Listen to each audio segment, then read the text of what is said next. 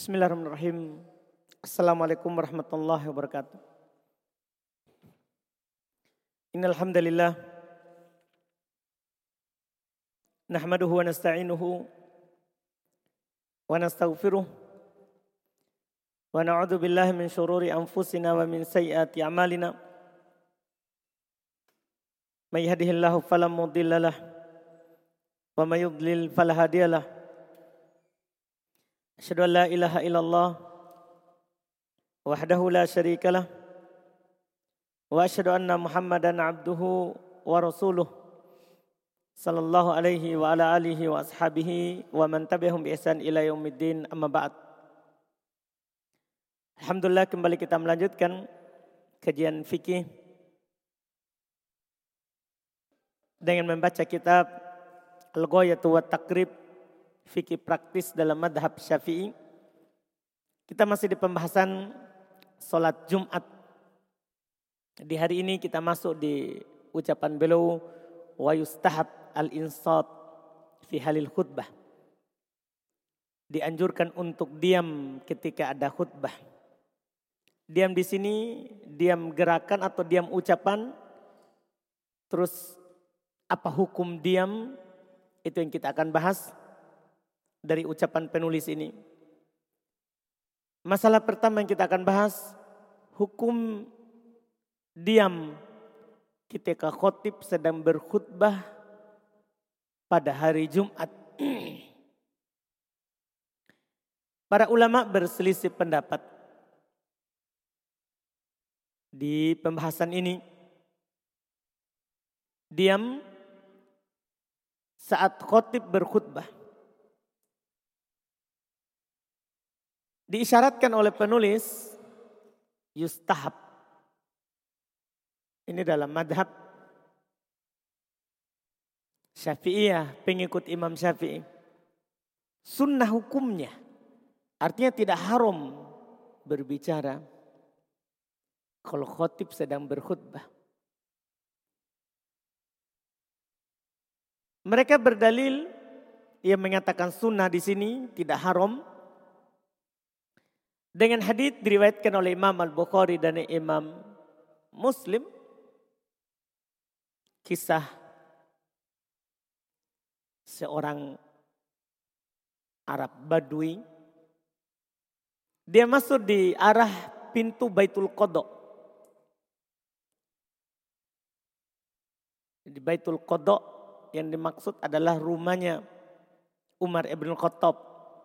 Beliau jual untuk membayar utangnya Makanya dibilang Baitul Qodok. Dia masuk di arah pintu itu. Nabi sedang berkhutbah.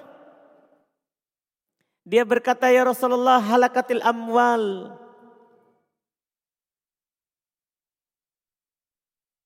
Wahai Rasulullah, harta-harta sudah hancur.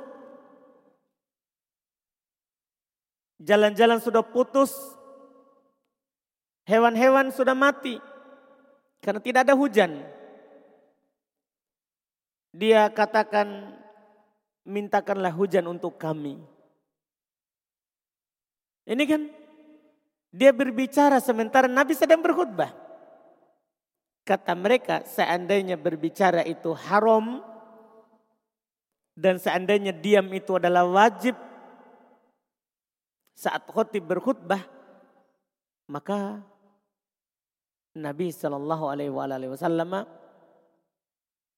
akan menegur orang itu dan mengatakan kepadanya, diam. Tapi malah Nabi SAW berdoa minta hujan. Itu menunjukkan itu tidak salah. Ini kata mereka, perbuatan Nabi ini menggambarkan bahwa diam tidak wajib. Boleh berbicara. Sementara mayoritas ulama menyelisihi pengikut Syafi'iyah dalam hal ini. Mereka katakan wajib haram berbicara. Kecuali nanti yang kita akan sebutkan. Hukum diam wajib, haram berbicara. Ini pendapat mayoritas ulama rahimahumullah. Apa dalilnya? Mereka berdalil dengan Al-Quran. Allah subhanahu wa ta'ala berfirman dalam surat Al-A'raf ayat 204. Wa idha kuri al-Qur'anu fastami'u lahu wa ansitu la'allakum turhamun. Apabila, apabila Al-Quran dibacakan maka dengarlah dan diam perintah agar supaya kalian dirahmati kaidah dalam usul fikih al aslu fil awamir al wujub asal dalam perintah itu wajib. Itu yang disebutkan. Demikian pula mereka berdalil dengan hadis riwayat Bukhari Muslim dari Abu Hurairah radhiyallahu taala anhu Beliau berkata anna Rasulullah sallallahu alaihi wasallam Rasulullah sallallahu alaihi wasallam bersabda, "Idza qulta li sahibika ansit" Kalau kamu bilang ke temanmu di sampingmu di hari Jumat ini, diamlah, ansit. Yaumal Jum'ati wal imamu yaktub. Pada hari Jumat sementara imam sedang berkhutbah. Fakodala gauta. Maka sungguh kamu telah lalai dibilang lalai orang yang seperti itu. Nah, ini hal yang tidak boleh. Demikian pula ini ditunjukkan oleh perbuatan sahabat. Jadi kisahnya itu bukan hanya kisah tadi, ada lagi kisah terjadi. Dalam riwayat Anas bin Malik dikeluarkan oleh Imam Al-Baihaqi dari Anas bin Malik. Seorang lelaki masuk masjid, Nabi sedang berkhutbah. Fakol dia berkata, ya Rasulullah mata sa'ah. Dia berkata, wahai Rasulullah, kapan hari kiamat? Di hari kiamat, di hari Jumat ini. Nabi sedang berkhutbah. Dia berlangsung berbicara, ya Rasulullah, mata sa'ah. Wahai Rasulullah, kapan hari kiamat?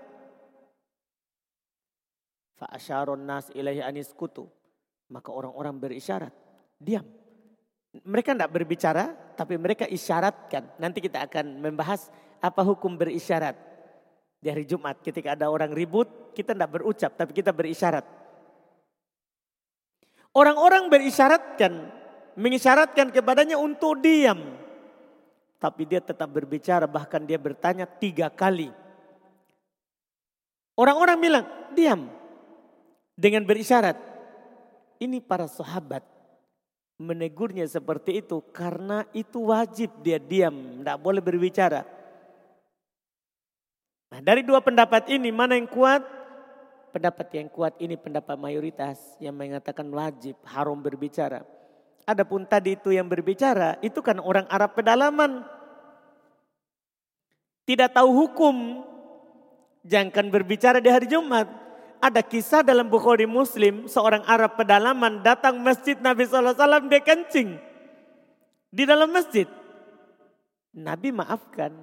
Para sahabat menegurnya dengan keras, tidak boleh kencing. Tapi Nabi bilang, da'u, biarkan. Orang bodoh, tidak punya ilmu. Tidak tahu adab kalau masuk masjid. Nabi bilang, biarkan. Sehingga para sahabat biarkan sampai dia selesaikan kencingnya. Setelah selesai baru Nabi suruh siram. Jadi kencing saja Nabi maafkan karena dia tidak tahu. Maka berbicara juga dimaafkan. Berarti bukan berarti Nabi benarkan tadi itu orang Arab Badui berbicara di masjid sementara sedang khutbah. Bukan berarti itu bolehnya. Itu dimaafkan karena orang itu tidak tahu hukum. Ini pendapat yang kuat insya Allah. Karena dalil-dalil yang mengatakan wajib itu terang sekali. Itu terang sekali. Ini kata para ulama kita terkait dengan hukum diam. Kemudian masalah berikutnya lagi. Diamnya ini berapa lama? Kapan sampai kapan ini berlaku hukum diam tadi?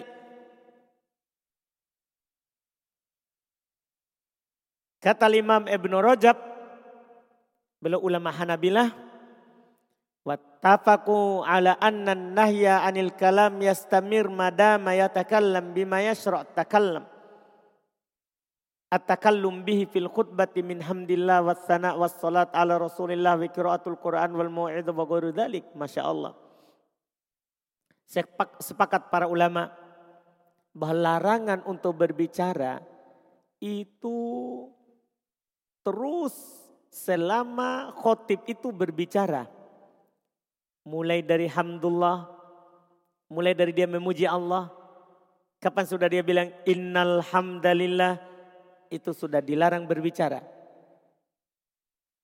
Demikian pula kalau dia solawat kepada Nabi termasuk nanti akan kita bahas hukum bersolawat kalau kita mendengar orang yang bersolawat.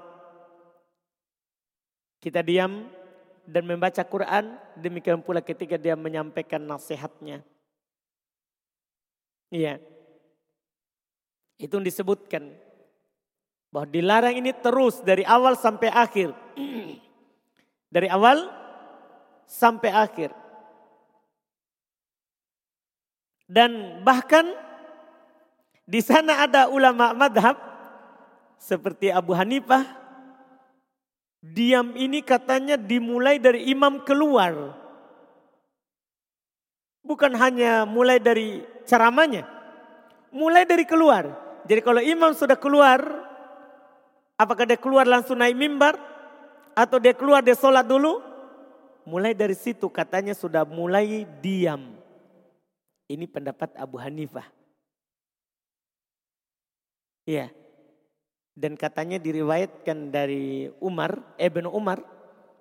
Dan juga dari Ibn Abbas walaupun mayoritas menyelisih Abu Hanifah dan mayoritas yang benar karena memang Nabi bilang idza qulta li sahibika ansit wa yaumal jum'ati wal imam yaktub apabila kamu berkata kepada temanmu diam pada hari Jumat sementara imam sedang khutbah lapatnya jelas sekali sedang khutbah bukan keluarnya yang dilihat, tapi saat khutbah. Itu pendapat mayoritas. Adapun pendapat Abu Hanifah tentunya itu tidak sesuai dengan dalil, kita tidak menerimanya.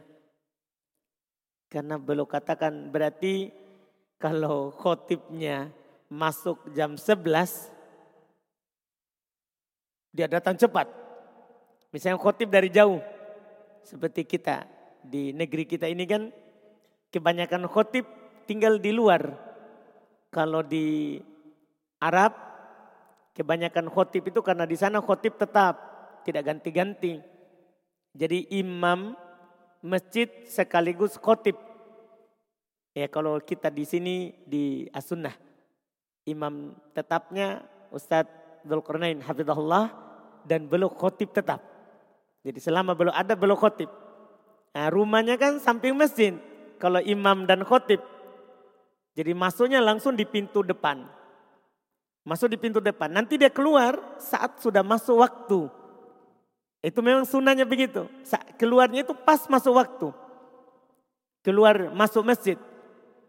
Nah, itu juga dianjurkan apalagi orang yang berpendapat dengan pendapat Hanafiyah.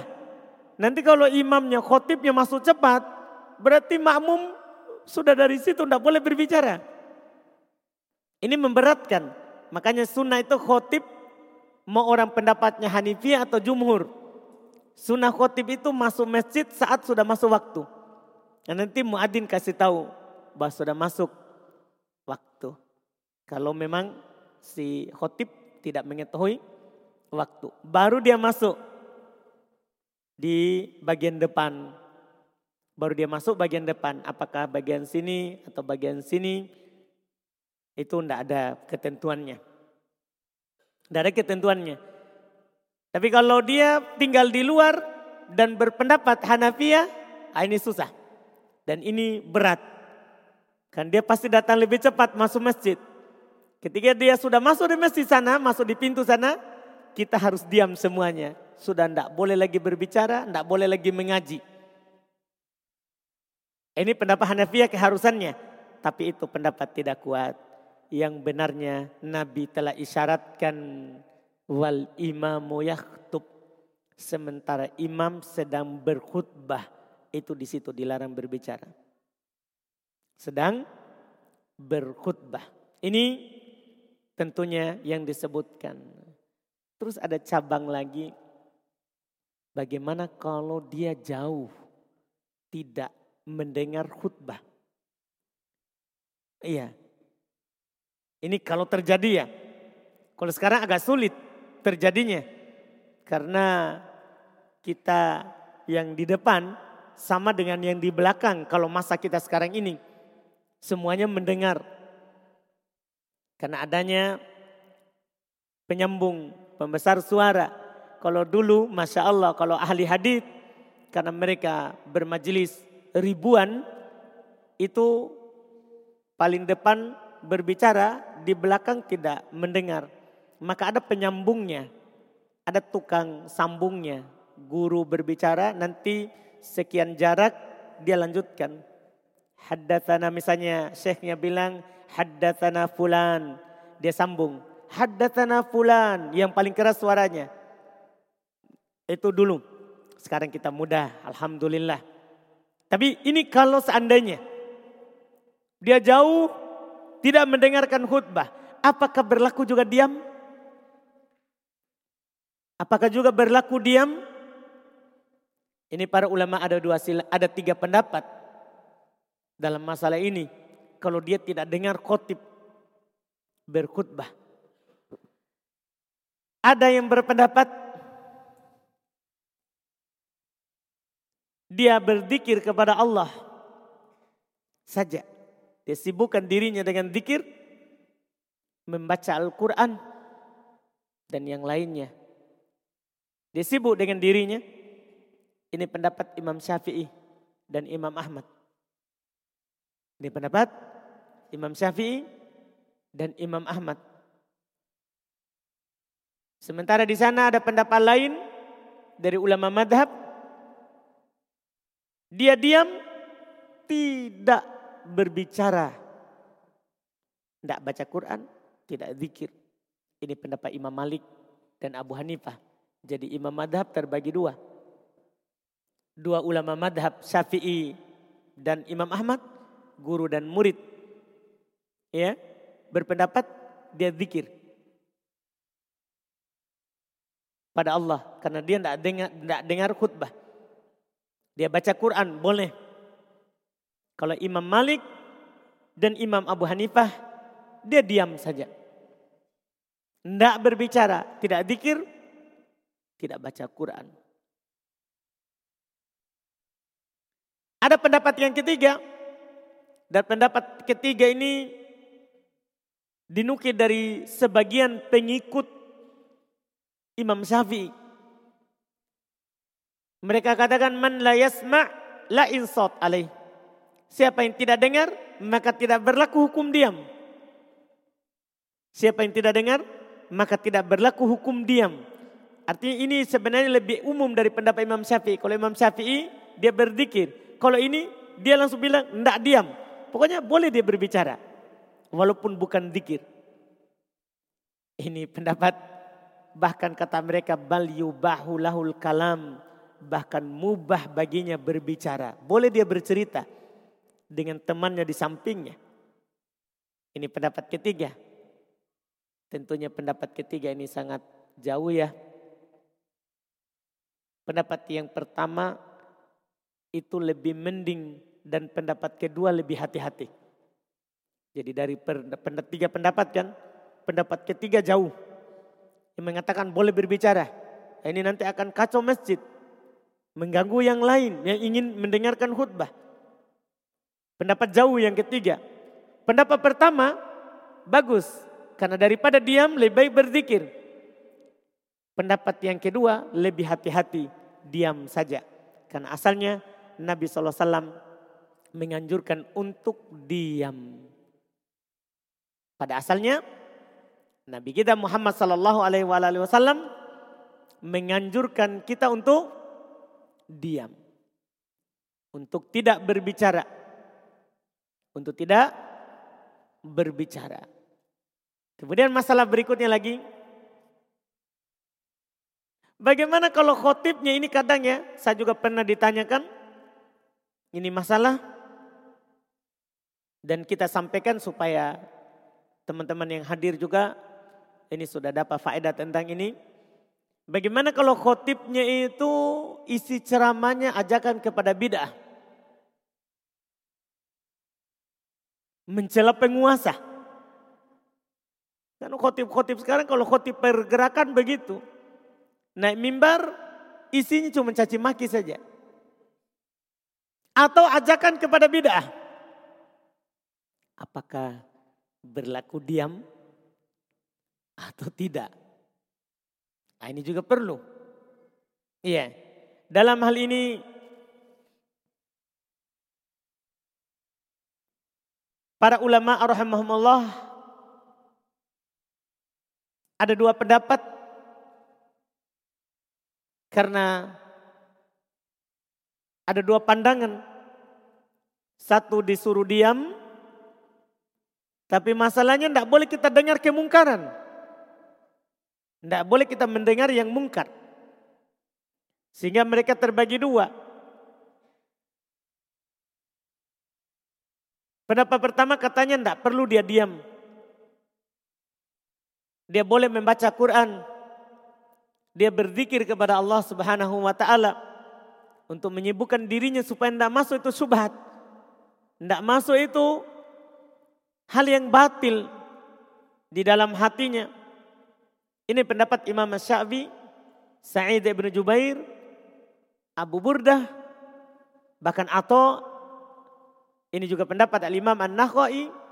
Ini pendapat Al-Imam Az-Zuhri, ulama-ulama besar yang menjadi rujukan umat. Urwah ibn Zubair, Al-Laith ibn Sa'ad.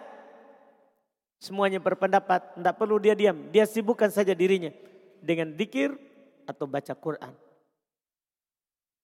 Sementara ada sebagian dari ulama mengatakan dia diam juga karena keumuman hadis yang benar adalah pendapat yang mengatakan dia tidak perlu diam untuk mendengarkannya. Karena Allah Subhanahu wa taala berfirman Wa idza ra'aital ladzina yakhuduna fi ayatina fa'rid anhum ini perintah Allah. Hatta yakudu fi hadithin goirihi.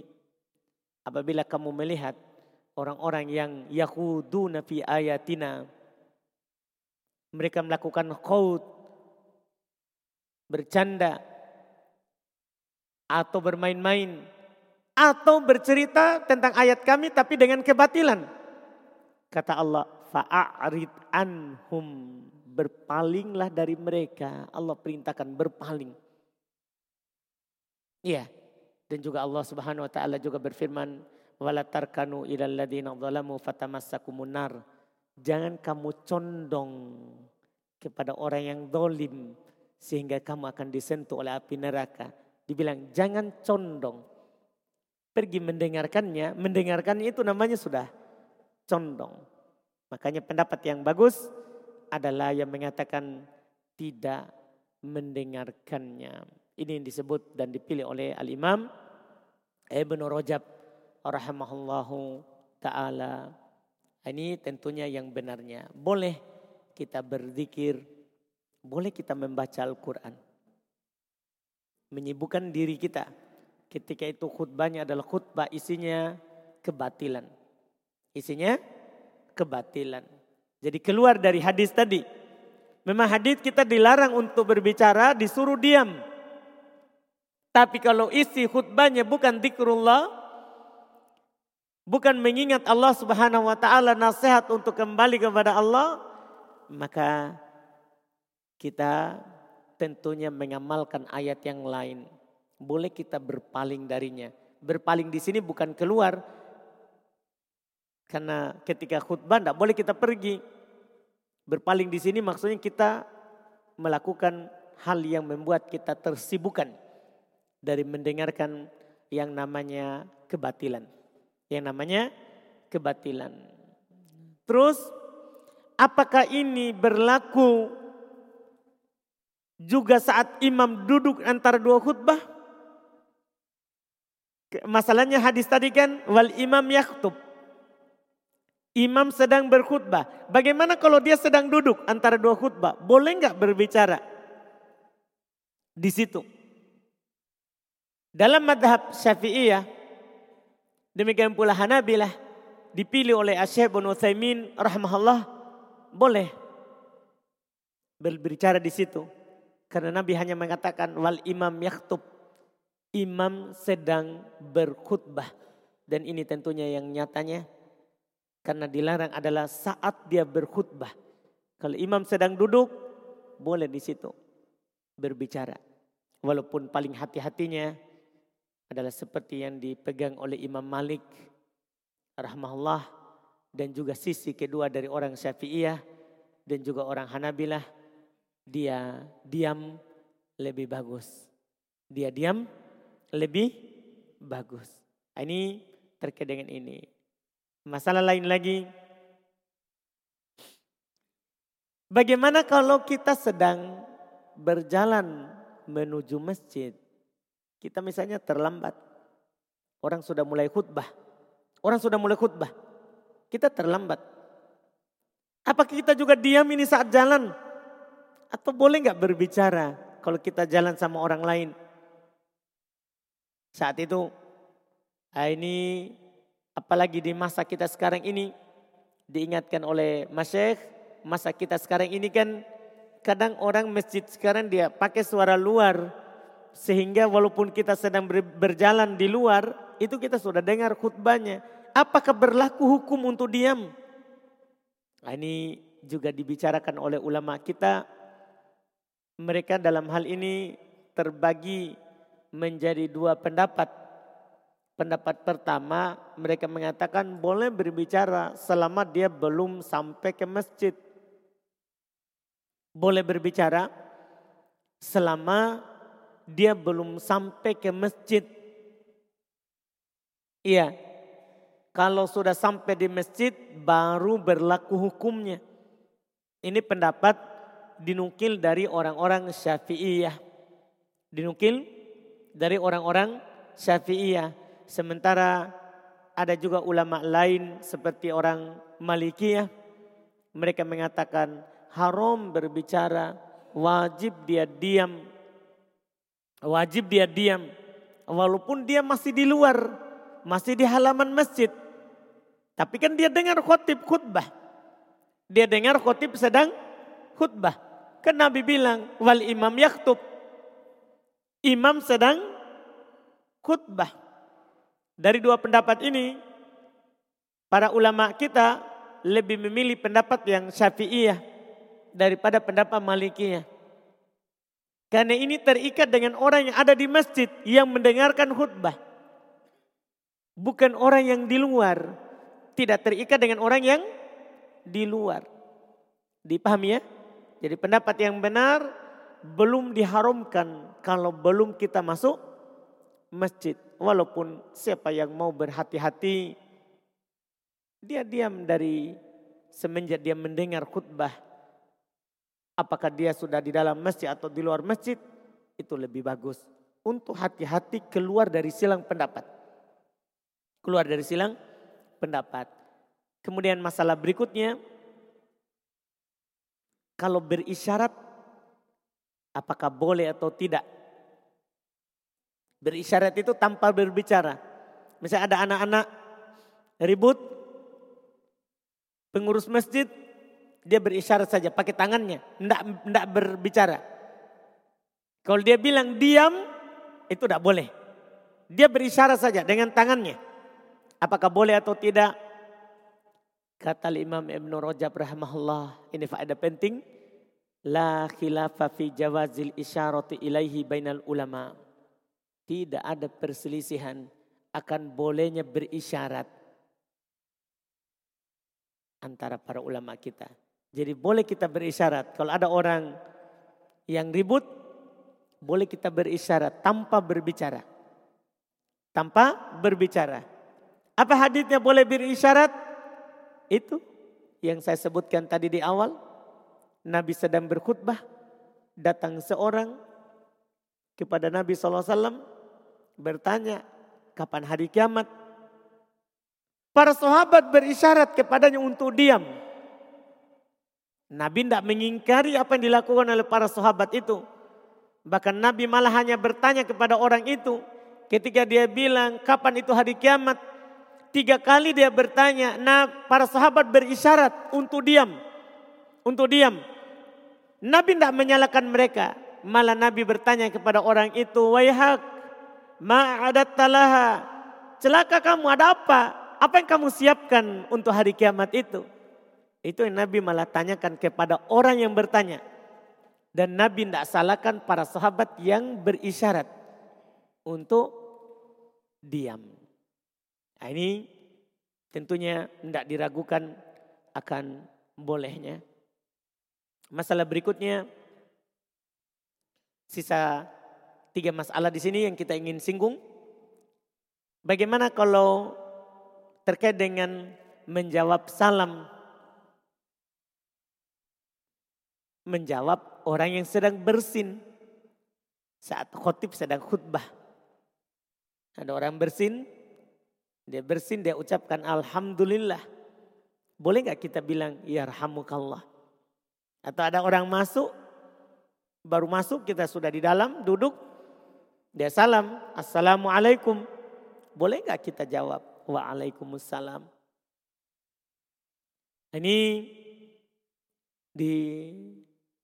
disebutkan oleh para ulama kita pendapat dari sebagian salaf seperti Al Hasan Al Basri, Al Imam Asy-Sya'bi dan Al Imam An-Nakhai mereka berkata boleh jawab salam, boleh menjawab orang yang bersin kalau dia ucapkan alhamdulillah. Mereka mereka berdalil dengan hadit-hadit umum kata mereka kita dianjurkan untuk jawab salam kita dianjurkan untuk menjawab orang yang bersin ketika dia bilang Alhamdulillah. Ketika dia bilang Alhamdulillah itu dalil mereka. Sementara ulama lain seperti Sa'id Ibn Musayyab dari kibar tabi'in. Ya tabi'in, tabi'in yang ya lebih duluan. Masuk Islam juga atau serta Qatadah dan kelompok dari ulama hadis juga. Mereka berkata dia tidak jawab salam. Dia juga tidak jawab si orang yang bersin yang mengucapkan alhamdulillah. Kenapa? Dalil mereka hadis khusus. Hadis anjuran untuk diam. Saat tatkala khotib itu berkhutbah tentunya pendapat yang mengatakan tidak jawab salam, tidak menjawab bersin, itu yang kuat. itu yang kuat. Karena Nabi SAW sangat jelas sekali. Idza qulta li sahibika yaumal jum'ati ansit. Kalau kamu berkata kepada kawanmu pada hari Jumat diam, maka kamu telah lalai. Ya, satu kata. Apalagi lebih dari satu kata. Waalaikumsalam warahmatullah yarhamukallah. Ini lebih banyak. Ini lebih banyak. Maka tidak diam itu menyelisih sunnah. Termasuk menjawab salam dan menjawab orang yang bersin. Itu menyelisih sunnah. Bagaimana kalau sholawat? Tadi yang kita singgung. Kalau si khotib bersolawat. Kan kita dianjurkan untuk bersolawat. Apakah juga berlaku saat khutbah? Sama juga. Seperti itu. Terbagi dua ulama kita. Ada mengatakan boleh. Seperti Imam Malik dan Imam Ahmad. Dalil mereka adalah hadis Nabi SAW. Kata Nabi Al-Bakhil. Man dukirtu indah falam yusolli alaih. Kikir Orang yang disebutkan namaku di sisinya tapi tidak bersolawat. Ini kan umum, kikir. Ada orang nama Nabi disebut tapi tidak bersolawat. Berarti ini dikecualikan. Kita boleh bersolawat. Ini pendapat Imam Malik dan Imam Ahmad. Sementara Imam Syafi'i belum berpendapat, enggak, dia diam, tidak bersolawat. Apa dalil beliau? Dalil beliau hadis tadi, hadis Abu Hurairah. Riwayat Bukhari Muslim. Kita dianjurkan untuk diam termasuk bersolawat. Dan pendapat Imam Syafi'i ini ini lebih kuat. Tadi itu Al-Bakin, kikir orang disebutkan namaku di sisinya tapi tidak bersolawat. Ini selain waktu khutbah khutbah punya hukum khusus. Kita tidak boleh berbicara. Dan itu yang kuatnya walaupun sebagian ulama juga mengatakan boleh kalau dalam hati. Atau boleh kalau tidak keluar. Hanya bergerak lisan. Boleh. Ini yang mereka sebutkan. Pembahasan terakhir terkait dengan berbicara ini Bagaimana kalau itu adalah pembicaraan yang wajib kita ucapkan? Nah, ini masalah terakhir terkait dengan bicara.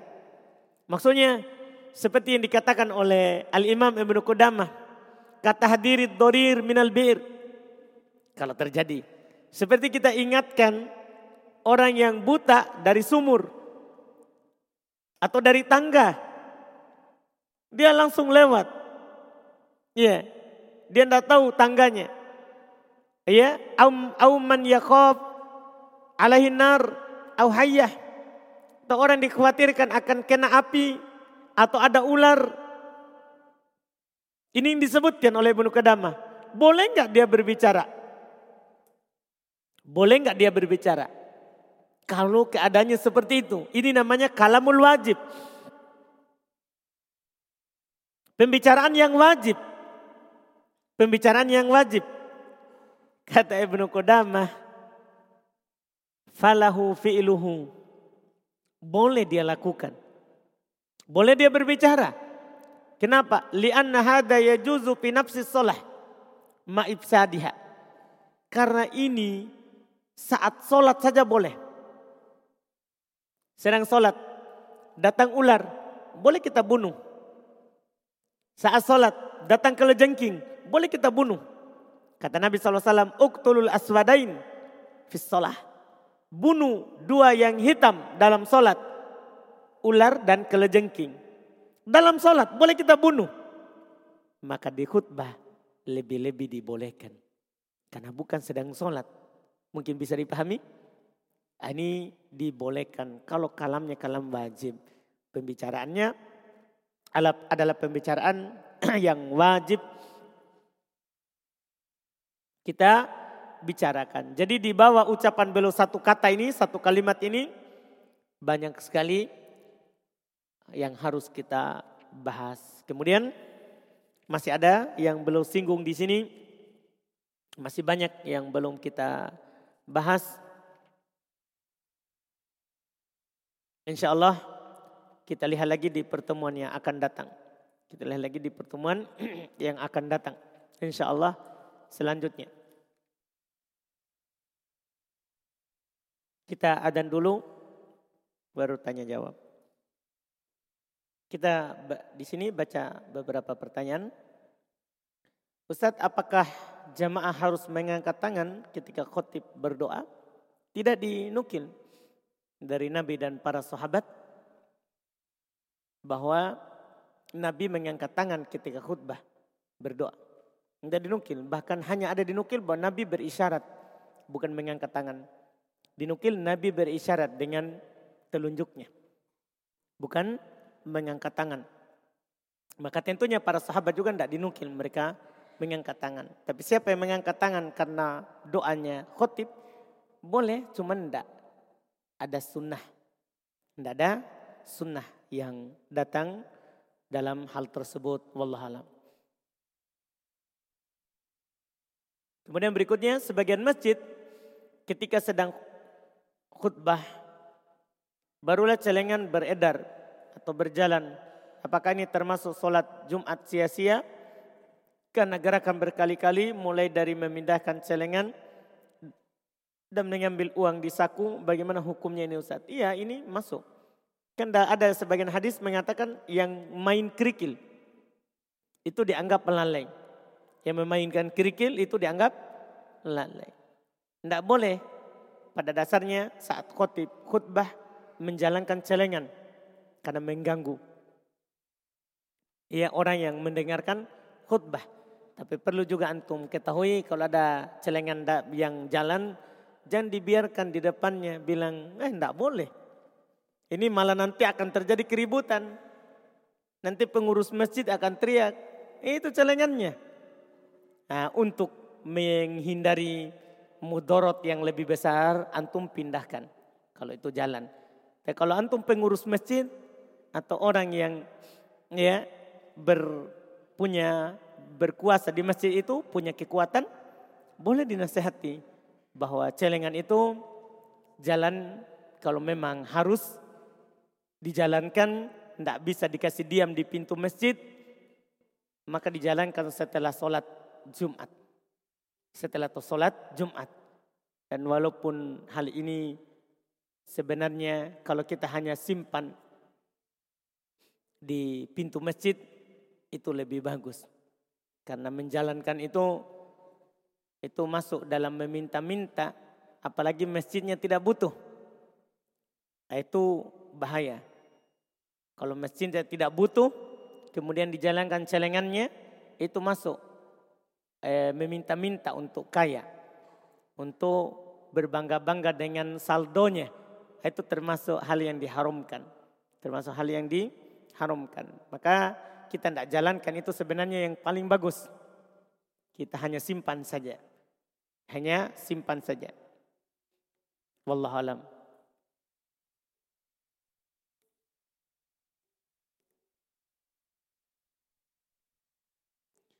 Matan apa yang harus dihafal pertama kali untuk yang baru belajar ilmu agama. Yang baru belajar tidak perlu dihafal. Belajar dulu, bukan matan apa, belajar dulu yang wajib kita ketahui. Tauhid, makna la ilaha illallah, makna Muhammad Rasulullah, apa keharusannya, apa kandungannya. Setelah itu belajar wudhu, belajar sholat. Itu yang perlu datang Ramadan belajar puasa, datang zakat belajar zakat, datang haji belajar tentang haji kalau mau akan pergi haji. Itu yang wajib. Itu yang wajib. Nah setelah itu kalau itu semua sudah baru bertanya hafal apa dulu yang pertama. Ya tentunya yang pertama Quran. Quran dulu. Setelah itu masuk ke hadis. Hafal dulu hadis yang paling pendek, Arba'in, Nawawi, 40 hadis atau yang ditambah dengan 10 lagi dari Ibnu Rajab Al-Hambali. Itu baru Umdatul Ahkam. Kemudian kalau mau lebih luas lagi Bulughul Maram, mau luas lagi Bukhari Muslim yang disepakati, kan sudah ada di Karang yang disepakati oleh Bukhari Muslim. Naik seperti itu. Ini yang di hafal wallahualam. Bagaimana fikih ketika khotib tiba-tiba pingsan? Kalau khotib tiba-tiba pingsan dan dia sudah sampaikan ayat takwa, sudah mulai dengan memuji Allah, sudah bersolawat kepada Nabi, kemudian dia pingsan, sudah sholat Jumat langsung. Sholat Jumat langsung. Beda kalau dia baru berdiri, Assalamualaikum warahmatullahi wabarakatuh. Duduk tidak berdiri-berdiri. Nah, ini diganti. Karena belum sempat khutbah. Belum sempat khutbah. Itu wallah alam. Apa hukum minum saat mendengar khutbah? Masuk dalam lalai. Masuk dalam kelalaian. Karena dalam sebagian lapat kerikil, main kerikil masuk dalam lalai.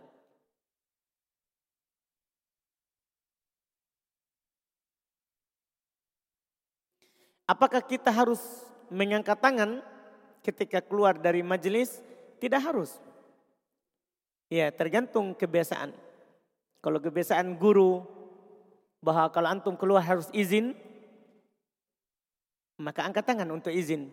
Kalau kebiasaan guru itu Kalau antum mau keluar dalam majelis tidak mengapa. Jika itu memang dibutuhkan langsung saja keluar. Tergantung syarat dan ketentuan dari majelis itu. Apa hukum mencatat isi khutbah? Tidak boleh. Kita disuruh dengar. Bukan mencatat. Kita disuruh dengar, bukan mencatat.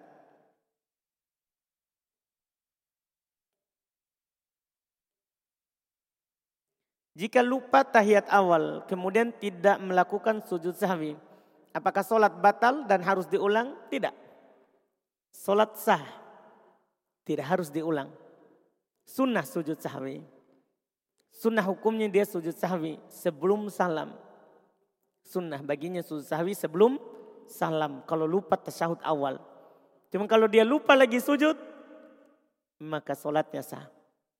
Karena tasyahud awal bukan rukun sholat. Itu kewajiban sholat. Yang harus ulang itu kalau rukun sholat. Kita lupa tasyahud akhir, kita lupa salam, kita lupa sujud, kita lupa al-fatihah, Nah, itu rukun sholat. Kita lupa takbiratul ihram. Misalnya tuh datang langsung. Tidak takbir langsung al-fatihah.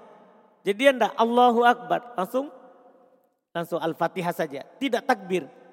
Harus ulang sholatnya. Karena takbiratul ihram adalah syarat sahnya sholat. Jadi kalau meninggalkan syarat rukun sholat harus diulang. Tapi kalau meninggalkan yang wajib tidak diulang. Tidak diulang. Wallahualam. Ketika kita masbuk pada sholat isya. Terlambat satu rakaat. Apakah ketika imam. Apakah ketika imam tahiyat awal. Apa yang kita lakukan pada saat imam tahiyat awal? Kita tahiyat juga mengikuti imam. Kita tahiyat juga mengikuti imam. Wallahualam. Masuk dalam hadis umum, inna maju ilal imam li bih. Imam itu dijadikan supaya diikuti. Jika buang angin sedang berdoa, eh, sedang baca Al-Quran, apakah harus wudhu lagi atau tidak perlu? Kalau kita mau pegang mushaf, bacanya dengan memegang mushaf, harus wudhu lagi. Kan tidak boleh pegang mushaf dalam keadaan tidak wudhu. Dalam keadaan tidak wudhu. Itu kalau pegang mushaf.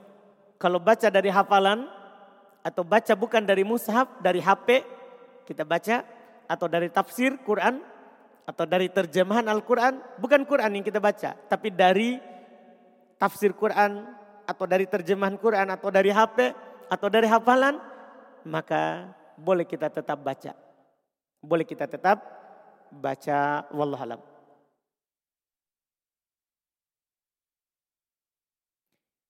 Apakah bahan makanan sisa perayaan bid'ah itu haram?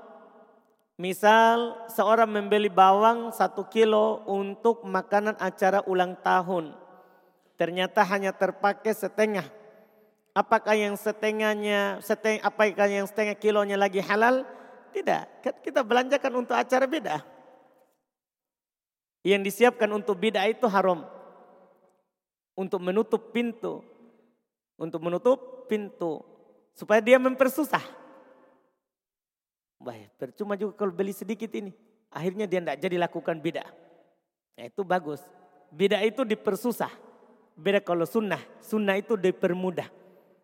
Sunnah itu dipermudah supaya bisa dilakukan. Kalau bid'ah bersusah supaya tidak bisa dilakukan. Ya, supaya tidak bisa dilakukan. Bolehkah seorang yang berpuasa Daud membatalkan puasanya pada kondisi di mana kalau dia tidak makan maka akan ketahuan kalau berpuasa. Sementara dia sangat berusaha menyembunyikan amalannya. Boleh seorang itu kasih tahu kalau dia sedang berpuasa. Kenapa dia berusaha sampai dia harus makan?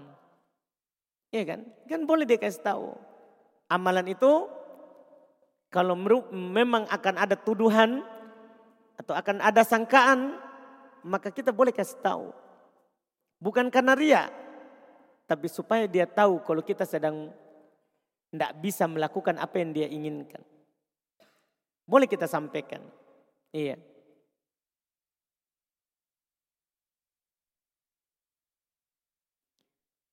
Apa dalil bahwa pandangan solat itu mengarah ke depan? Dalilnya hadis riwayat Imam Al-Bukhari dan Imam Muslim dari Aisyah. Bahwa Aisyah radhiyallahu taala anha pernah memiliki tirai gorden yang bergambar. Nabi SAW memandangnya saat sholat. Setelah sholat beliau katakan bahwa ini melalaikanku tadi dalam sholat. Beliau pandang ke depan. Ini melalaikanku tadi saat sholat. Maka beliau perintahkan untuk ditukar gordennya itu. Untuk ditukar gordennya itu. Nah, itu dalilnya kalau sholat itu pandang ke depan. Kalau sholat itu pandang ke depan.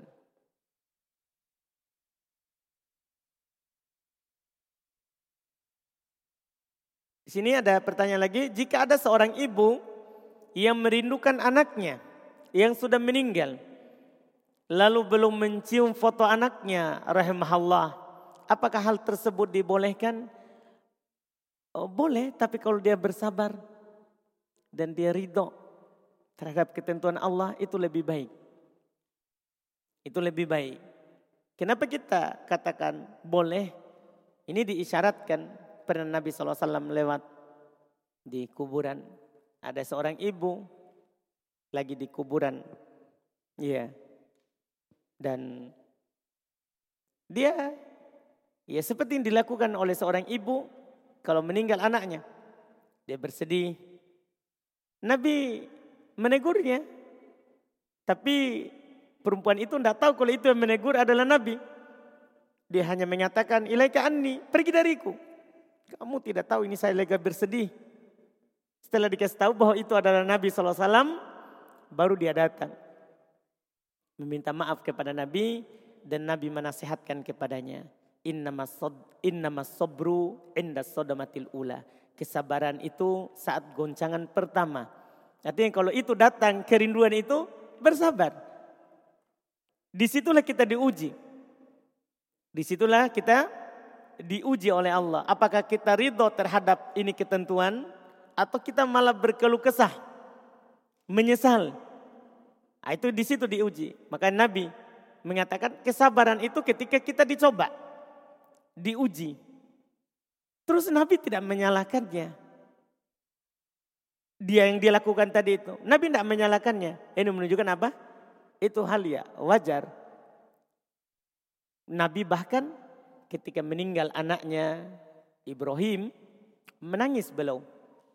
Keluar air matanya. Ditanya oleh Umar radhiyallahu taala anhu, "Apa ini? Ada apa?" Maksudnya ini kan takdir Allah ini. Beliau katakan al-ain tadma wal qulub yahzan wala naqulu illa bima yurdi rabbuna mata itu mengalirkan air mata, hati itu bersedih, tapi kita tidak boleh berucap kecuali apa yang diridhoi oleh Allah Subhanahu wa taala. Ya sedih wajar. Tapi jangan sampai menggambarkan bahwa kalau kita tidak ridho, kita tidak senang dengan ketentuan Allah Subhanahu wa taala. Makanya kita bilang kalau bilang boleh, boleh tapi kalau kita bersabar melatih diri kita bahwa kita semua ini adalah milik Allah. Kita ucapkan seperti yang diucapkan oleh Nabi. Lillahi ma'ata walillahi ma'akoda wa indahu wa kulla syai'in indahu bi ajalim musamma. Hanya milik Allah apa yang dia beri, milik Allah apa yang dia ambil dan di sisinya itu segala sesuatu sudah ditentukan ajalnya. Kalau kita ucapkan itu lebih baik.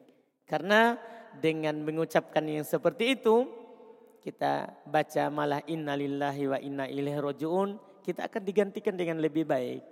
Anak tadi itu akan digantikan dengan anak yang lebih baik. Yang penting masih hidup bapak dan ibunya. Yang penting ibunya masih hidup, kalau kita seorang ibu yang penting bapaknya masih ada. Maka kita akan digantikan yang lebih baik. Dan memang itu nyata, harus seperti itu. Ada kejadian lucu waktu saya di Yaman. Saya waktu di Yaman, eh, Alhamdulillah hamil. Uminya.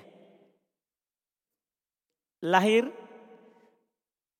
anak perempuan hidup empat hari. Meninggal. Bawa ke rumah sakit. Bahwa ternyata sudah tidak bisa ditolong. Maksudnya sudah meninggal. Jadi saya, saya duduk di luar. Dokternya kan bilang sudah tidak bisa, sudah lewat. Saya duduk di luar. Datang orang Arab, orang Yaman. Kenapa kamu? Meninggal anakku. Saya pergi sendiri karena langsung pada saat itu terjadi, langsung saya bawa sendiri. Naik motor, eh, motor di sana orang. Jadi saya bilang begitu, meninggal anakku. Dia bilang, yang penting masih hidup ibunya. Iya. Tapi ucapan itu, begitu saja ucapannya. Yang penting masih hidup ibunya. Meninggal anaknya, tapi ibunya kan masih hidup. Artinya kamu bisa buat lagi. Ya, betul. Ya, setelah itu, alhamdulillah meninggal perempuan, dapat lagi anak perempuan. Ya, kan begitu. Alhamdulillah. Ternyata itu ucapan memang, ya selama ibunya masih hidup, bapaknya masih hidup, kita ridokan saja, relakan saja. Nah, itu kan takdir.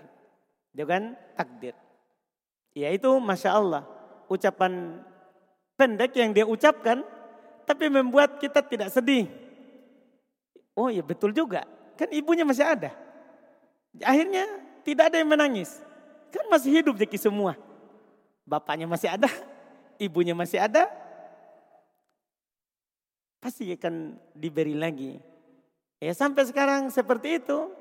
Ya meninggal di Yaman, sudah dikubur di Yaman. Tidak diingat-ingat lagi. Kan yang penting masih hidup ibunya. Nah, itu ucapan. Ya ucapan. Yang ucapkan sama saya itu bukan penuntut ilmu. Itu lagi.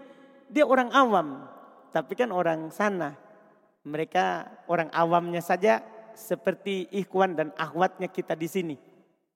Kalau orang awamnya Yaman. Orang awam tapi cadarnya itu tertutup sempurna. Tidak kelihatan jidat eh, alisnya.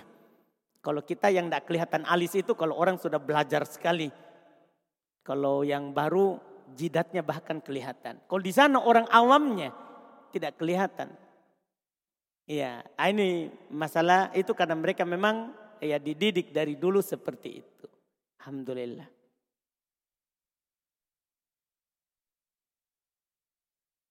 Sini ada pertanyaan, ada teman saya yang bersin. Dia mengucapkan hamdalah itu Alhamdulillah. Dengan suara yang hampir tidak terdengar. Bahkan tidak terdengar. Saya yakin dia mengucapkan hamdalah karena dia paham. Pertanyaan saya, bagaimana saya menjawabnya Ustadz? Kalau tidak didengar, tidak dijawab. Kan dalam hadis kalau kamu dengar. Kalau dia ucapkan dalam hadis. Kalau ada orang yang bersin, kemudian dia ucapkan Alhamdulillah fakul maka ucapkanlah yarhamukallah. Iya, kalau kamu mendengarnya, dia ucapkan.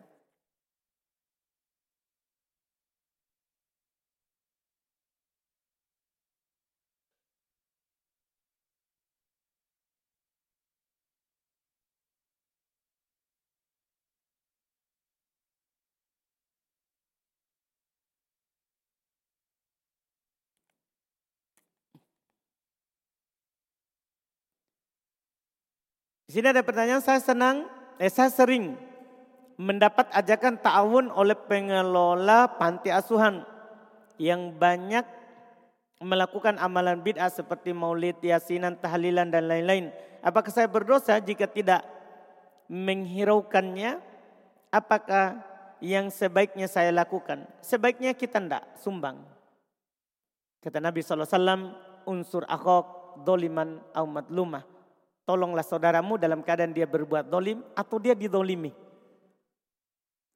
Ya melakukan bid'ah itu dolim.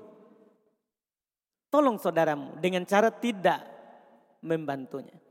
Dengan cara tidak membantunya. Kita tidak berdosa, bahkan kita dapat pahala. Kalau kita tidak membantunya.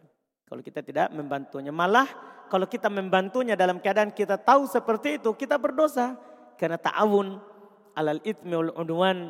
Tolong menolong di atas dosa dan maksiat. Tolong menolong di atas dosa dan maksiat.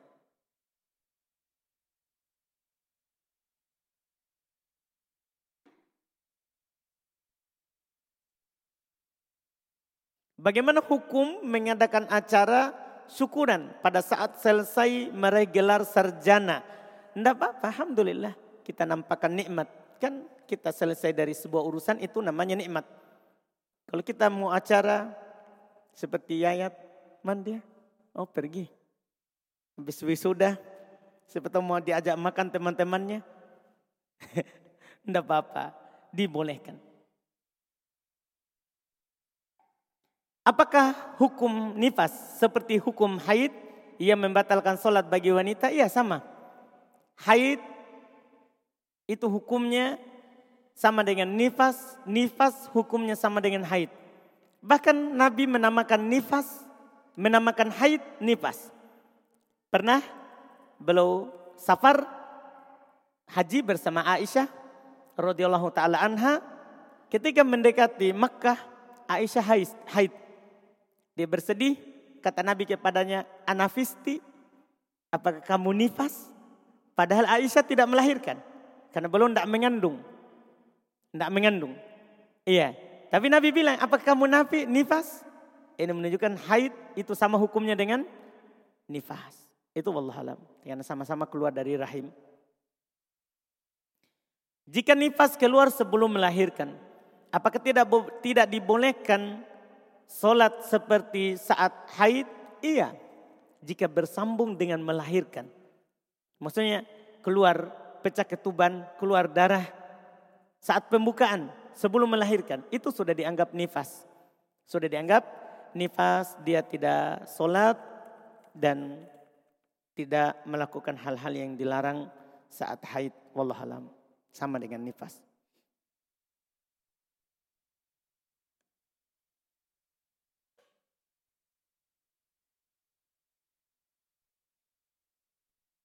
Tadi disebutkan bahwa pendapat yang kuat dari menjawab orang yang bersin adalah tidak diperbolehkan untuk menjawabnya.